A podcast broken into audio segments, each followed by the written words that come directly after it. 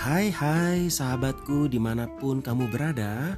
Namanya hidup pasti pasang surut seperti ombak di lautan.